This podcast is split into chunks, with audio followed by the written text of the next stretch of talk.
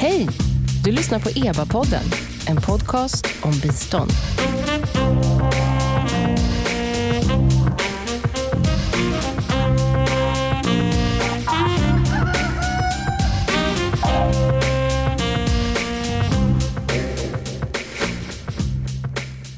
Välkomna till EBA-podden. Jag heter Nina Solomin och det är expertgruppen för biståndsanalys som ger ut den här podcasten. Det förkortas EBA och EBA är en statlig kommitté som utvärderar och analyserar Sveriges internationella bistånd. Det är egendomliga tider vi lever i sedan ett par veckor. Coronaviruset har lamslagit Europa och delar av USA och här i Sverige så är vi helt uppfyllda av rapporteringen kring antalet smittade både här hemma och i resten av världen. Och även om det går lite under radarn i svenska mediers bevakning så förbereder sig nu också länder i Afrika och Asien för coronavirusets framfart. Idag i EBA-podden ska vi prata om vad som händer när covid-19-viruset kommer till fattigare länder och vad biståndet har för roll i en sån kris. Och med mig idag finns tre gäster. Åsa Andersson som är verksföreträdare för hälsa och SRHR på Sida. Välkommen. Tack ska du ha. Eva Nunes Sörensson, senior policy specialist. Specialist eller specialist? Hur säger man? Specialist på Sida. Eh, och du var också, och det är därför du är här, du var biståndsråd i Liberia under ebolakrisen. Mm. Och på Skype eh, från Lund så finns också Jesper Sundevall med oss, forskare i hälsoekonomi vid Lunds universitet och också forskare vid University of KwaZulu-Natal i Sydafrika. Uttalade jag det där rätt Jesper? Det var alldeles strålande. Tack så mycket. Ja, välkommen. Åsa, om vi börjar med dig. FN har eh, precis gått ut med en appell där man önskar 20 miljarder kronor för att stötta utsatta länder i kampen eh, mot coronapandemin. Men du ansvarar på Sida för hälsoinsatserna kopplade till coronapandemin. Eller du samordnar dessa insatser. Det stämmer. Så jag samordnar vad Sida har gjort och vad vi kommer att göra eller planerar att göra eh, för den här epidemin. Så vad sysselsätter du dig med nu? Vilket arbete pågår på Sida?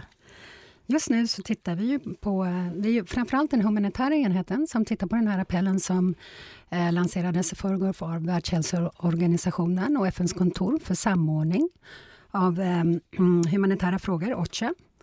Eh, och det är en eh, stor appell som du sa, eh, 20 miljard, miljarder ja, svenska kronor, miljoner svenska 20 miljarder svenska kronor. Precis, ja. och, det, och det de letar efter, eller det de eh, vill ha stöd för är för test och labbutrustning, skyddsutrustning och vård av patienter, tvål och vatten för att kunna möj möjliggöra handtvätt i flyktingläger.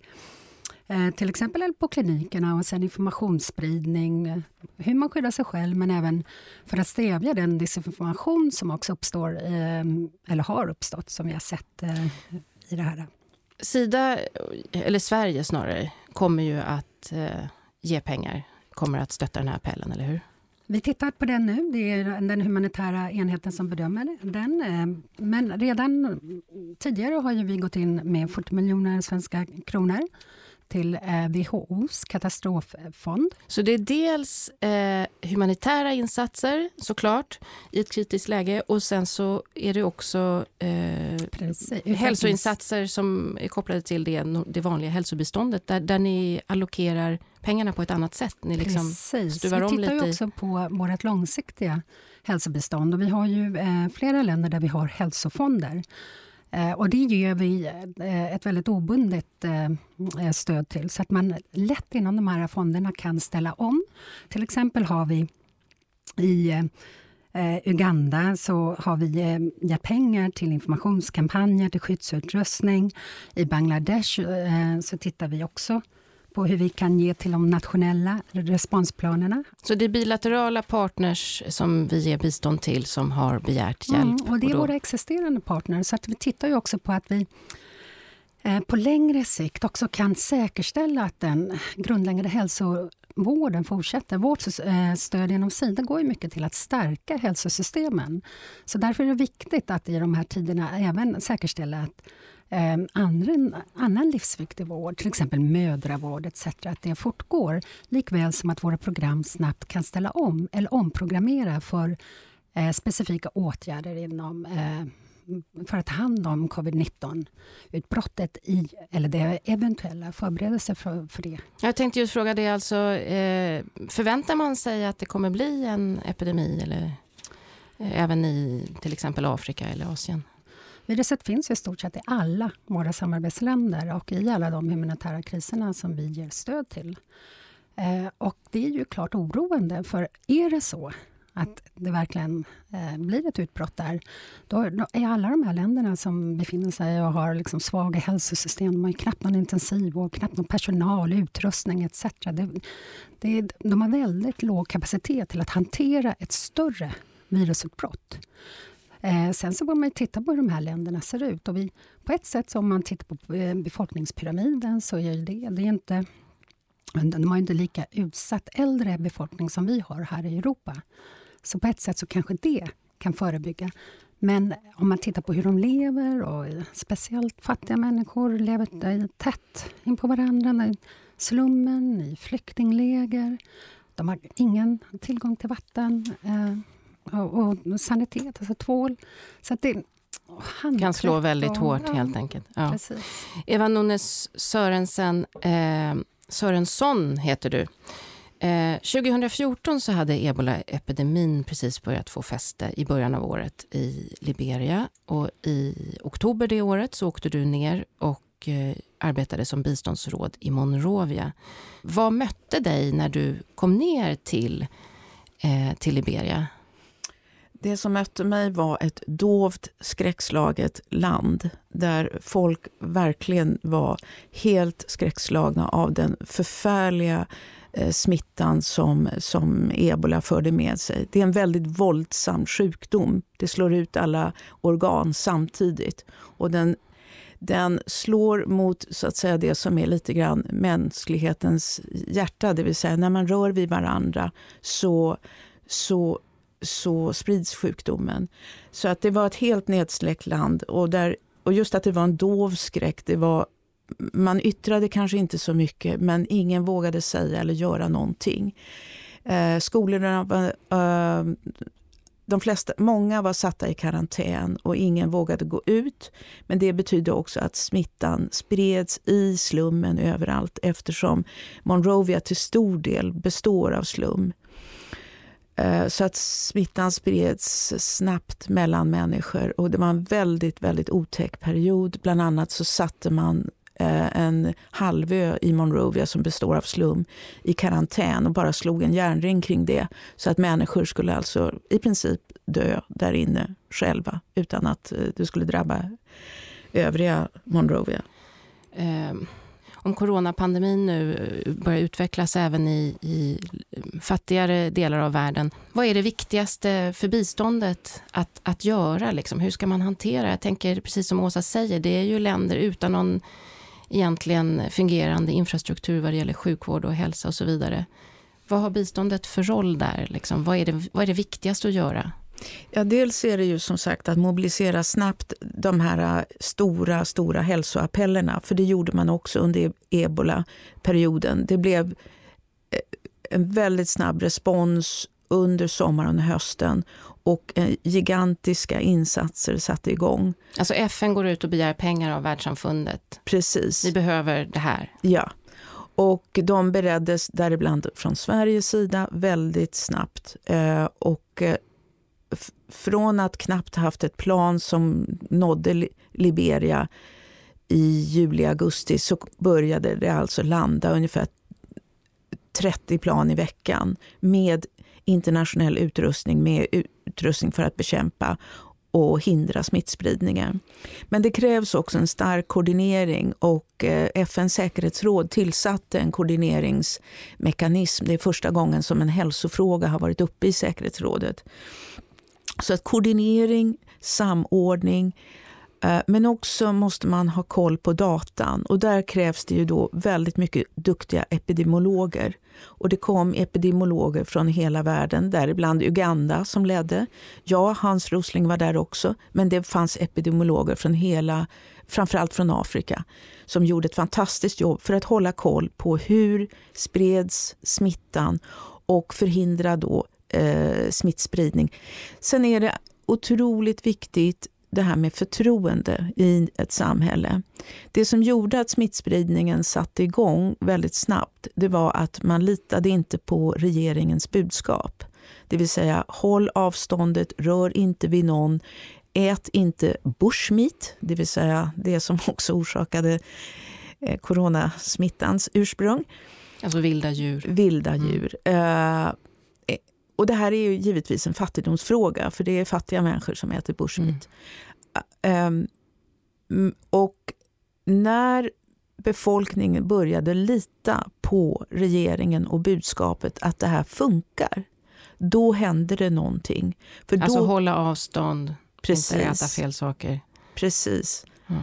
Och när väldigt många människor började göra rätt saker tillsammans samtidigt, då fick man kontroll på smittspridningen. Så det här budskapet att, eh, som då eh, Folkhälsomyndigheten till exempel här i Sverige då försöker förmedla, det är otroligt mm. viktigt mm. att följa det, därför mm. att det funkar. Jesper Sundevall, eh, du är ju eh, forskare och en av författarna till en EBA-rapport som kom för några år sedan som handlade eh, just om möjligheterna för låg och lägre medelinkomstländer att nå hälsoförbättringar med, eh, med stöd av bistånd. Vad skulle du säga är biståndets viktigaste roll eh, under en sån här pandemi? Det är flera saker jag skulle vilja säga. Det ena är ju att, som Åsa och Eva mycket riktigt är inne på, är ju liksom att hantera det akuta skedet av pandemin som, som vi är i nu och som länder i Afrika kanske är precis i början utav. Och då handlar det väldigt mycket om att att hantera en kris och där det humanitära biståndet kommer in och ni pratar om de FN-appeller som går ut och viktigt att Sverige är en del av att svara på dem och stödja de här länderna så gott man kan att hantera det akuta skedet. Det vi tittade på i rapporten var ju lite mer långsiktigt. Hur ska svenskt och internationellt hälsobistånd riktas in? Och vi var inne på det som eh, Åsa lyfte också med starka hälsosystem och vikten av det och att långsiktigt bygga system som kan hantera den här typen av kriser.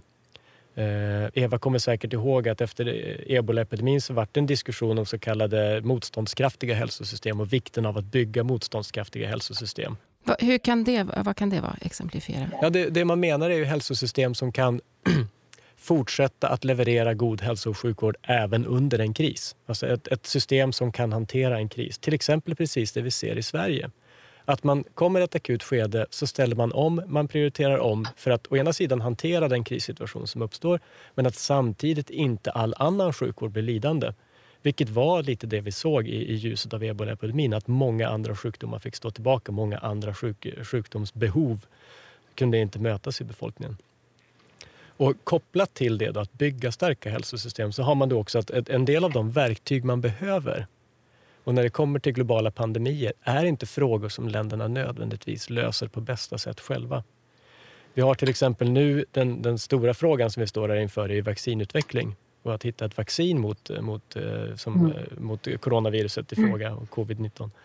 Och den utvecklingen är någonting vi antagligen måste samarbeta om globalt och att där vi behöver ett globalt ledarskap i en organisation som Världshälsoorganisationen att driva på en utveckling mot det och att sen när man har ett vaccin att säkerställa att de som behöver vaccinet bäst får tillgång till det först. Att det ges tillgång till det till, till vettiga priser som, som eh, länder kan ha råd med och så vidare. Samverkan alltså. Det är ju precis den, det som i stora stycken har havererat här nu när, när Europa och väst har Eh, drabbats av den här pandemin. Nej, och vi kan se det ganska ofta, att, att, att vi pratar om vikten av samordning för att hantera den här typen av kriser. Men när det kommer till responsen så blir det every country on its own lite. Att alla länderna, och det kommer in en dimension av politik i det givetvis som försvårar det så mycket. Jo, för att nu, Åsa, du, när vi pratade på telefon mm. nämnde du just att eh, afrikanska länder har stängt sina gränser. Mm. Det är många, många länder som stänger sina gränser nu. Det är inte bara Europa. Som ni vet, det är väl 14 länder i Europa som har stängt sina nationella gränser. Utan det händer ju också. Eh, och sen också reserestriktionerna. Alltså det blir svårare och svårare att till exempel landa i eh, länder och flyglinjer som drar in eh, sina flyg till de här länderna. Hur vi... påverkar det transporter av ja, eh, mat? Eh, ja, mat handlar inte om, utan mer eh, det du nämnde, mm. alltså skydd och utrustning för sjukhus och så vidare. Mm. Det finns ju redan nu de som flaggar, till exempel afrikanska eh, smittskyddsenheten, eller myndigheten CDC, eh, som flaggar för att de har leveranser som står i Dubai, men även i Addis, som de inte får ut på grund av att eh, de här reserestriktionerna och det finns färre flyglinjer. Om man tänker även på den, på den omedelbara responsen eh, så, så kanske man behöver flytta personal också. Eh, som Eva sa, det var epidemiolog, det var ju folk som kom internationellt och stärkte. Liksom, och hur ska vi få in dem i länderna? Så, så det är liksom oroväckande när vi börjar stänga gränser. Jag, vet inte, jag har inte sett någon rekommendation i alla fall från WHO eller något annat som jag har sett, att man faktiskt eh, eh, ska stänga gränser. Så att, men, men det är som sagt det är väldigt mycket politik, som mm. kanske Jesper också var inne på. Mm. Och eh, om man tänker utanför hälsan, alltså det här påverkar ju inte bara hälsosektorn, utan det kommer ju även påverka andra sektorer. Och redan nu på sidan så bevakar vi hur vi, eh, liksom, när det handlar om könsrelaterat våld, som vi vet som ökar i kriser. Vi tittar på eh, hur kommer den ekonomiska utvecklingen se ut i de här länderna? Liksom, ja, ekonomin kommer krascha ja, även i dessa då lite mer ekonomiskt sköra länder. Så att eh, fattigdomen riskerar att breda ut sig. Eva, du nickar. Ja, eh, det som hände i Liberia det var ju att man hade haft ungefär 6 BNP-tillväxt 2013 och 2014 så sjönk det till alltså minus 1,5. Det vill säga eh, den ett väldigt fattigt land som ändå var på väg upp fick en, i princip en käftsmäll, en ekonomisk käftsmäll som knuffade människor ut i ännu större utsatthet. Och det här drabbade givetvis en, eh, framförallt alltså de som är mest fattiga blir ju ännu mer fattiga och utsatta. Och eh, det har också givetvis en, en, en könsaspekt, det vill säga väldigt många kvinnor blev utsatta för sexuellt våld väldigt många av de flickor som var hemma från sina skolor blev eh, gravida. Så att eh, prostitutionen ökade på något sätt i denna extrema utsatthet. Jesper Sundevall, eh, jag tänker eh, det som Eva tar upp här, det finns ingen primärvård, det finns, liksom, det finns inget system för att, för att hantera hälsovård egentligen på ett bra sätt ens innan det kommer en pandemi. Du som forskare har ju tittat precis på hur man skulle kunna med långsiktigt hälsobistånd eh, förbättra hälsan. Vad är det viktigaste att satsa på? Ja, det går inte att ge ett jätte, jätteenkelt svar på det, tyvärr. Utan när man pratar om att bygga system så måste man väl då, tycker jag, att vi pratar om att man ska ha ett systemtänk. Och det är på något sätt att man tänker in alla komponenter som är viktiga och centrala i ett hälsosystem. Och det är allt från läkemedel, det är vårdpersonal, det är ledarskap, det är pengar, det informationshantering med mera.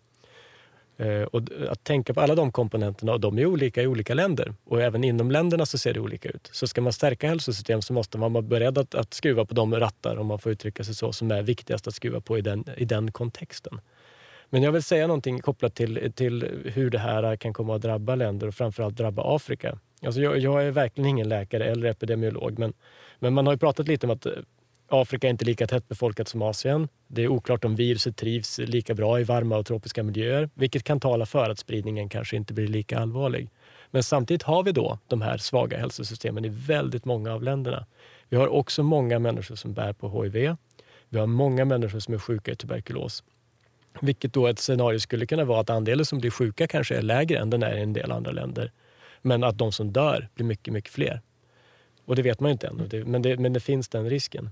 Och sen så det, det, som ni var inne på där med hur det drabbar länderna. Så traditionellt tittar man ju på liksom den kostnaden för en pandemi är kanske i termer av hur mycket människor som dör. Bortfall i arbetskraft och sånt. Och det blir ett ganska dåligt verktyg här. För räknar man på det med ett sånt här virus som inte är jättedödligt vad det verkar än så länge så blir den kostnaden inte så hög. Men vi ser ju enorma konsekvenser redan på vår beteendeförändring och hur det slår mot ekonomierna. Jag pratade med en kollega i Malawi nu på morgonen där man redan ser eh, problem med att få tillgång till eh, antivirala läkemedel för HIV-behandling på grund av att logistiken, eh, läkemedlen kommer från Kina och logistikkedjorna har havererat i och med utbrottet där. Så du får de här I en globaliserad ekonomi så får du de konsekvenserna väldigt snabbt, långt innan viruset i någon större utsträckning har drabbat Malawi. Ja, det är just de här bieffekterna. Eh, Anders Nordström som är ambassadör för global hälsa på UD, han sa på en presskonferens nyligen just att att i Sierra Leone, som också drabbades av ebola, så var det 4 000 som dog i ebola och 45 000 i mödra och olika mödra och barnrelaterad dödlighet. Eh, och den senare siffran, 45 000, det var tio gånger högre än normalt. Så det blir ju väldigt... Eh, hur, hur, vad är liksom, hur ska biståndet navigera i det här? Är det ens möjligt att både eh, hålla kvar en, en eller på något sätt ha en, en allmän bra sjukvård och samtidigt hantera en pandemi? Eva? Eh, det är ju precis det som händer när då, eh, så att säga, världssamfundet eller trycket att lösa en, eh, ett stort ohälsoproblem. Det vill säga vanliga människor dör i andra sjukdomar. Precis, mödradödlighet, folk fortsätter att bryta benet, folks ohälsa sätter i, fortsätter. Så att dödligheten och skörheten bland människor, speciellt när de eh, knuffas ut i ännu värre fattigdom, ökar. Så att det sker en ökad mortalitet. Någonting som också drabbar eh, hälsosystemet är ju att en stor andel av sjukvårdspersonalen dör. Därför att eh, i och med att de är i frontlinjen vid de här sjukdomarna så, är, eh, så drabbas de av sjukdom och, och dödlighet också. Så att eh, just det, det, det måste till så att säga systemstärkande, helt hälsosystem, ett helt primärhälsovårdssystem. Därför det som hände i Liberia, det var att det fanns inget primärhälsovårdssystem ute på landsbygden. Alla som drabbades av sjukdomen drog sig in till Monrovia, till slummen, där det då spreds som en prärieeld.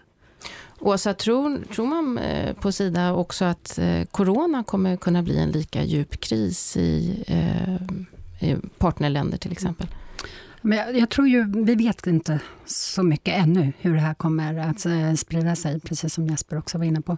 Vad jag vill lägga till dock är att det, av, det, av de appeller som jag har sett hittills så finns det alltså en större förståelse idag för att lära från ebola och lära från sars.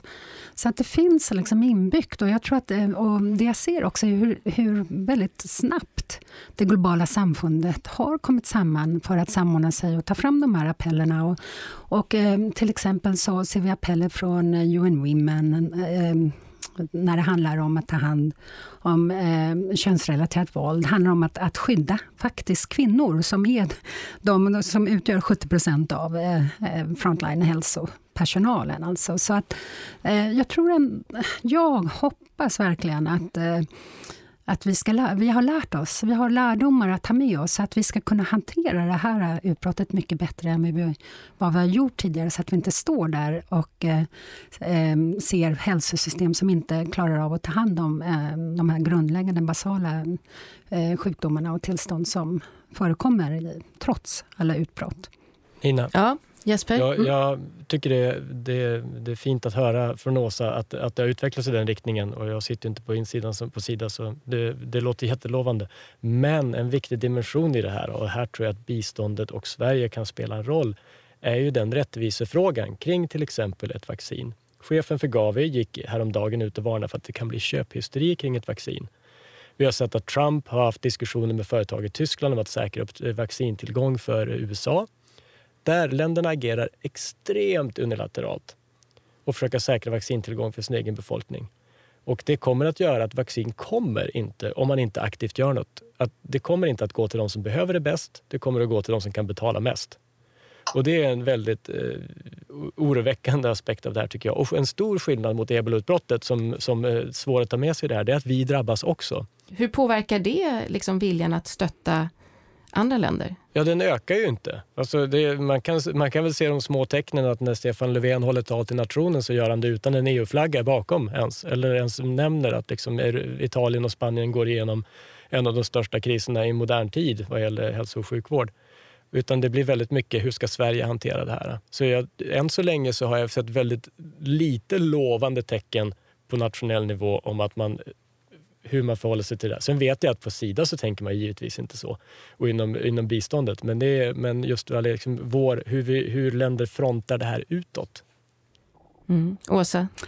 Eh, ja, men tack. Eh, nej, vad det kanske... Eh, Jesper har rätt i att på Sida tänker man inte så, men jag tror faktiskt inte eh, från UD-sidan heller, utan jag tror att det går starka budskap just nu eh, som är, handlar verkligen om eh, solidaritet, samordning och de här eh, public goods, liksom globala eh, nödvändigheterna som vi måste säkerställa. Och det, handlar, vi, liksom, det finns definitivt pågående diskussioner eh, om hur vi ska försäkra att även vaccin kommer till de mest behövande. Vi är ju stora givare till Gavi, så vi har en pågående diskussion definitivt.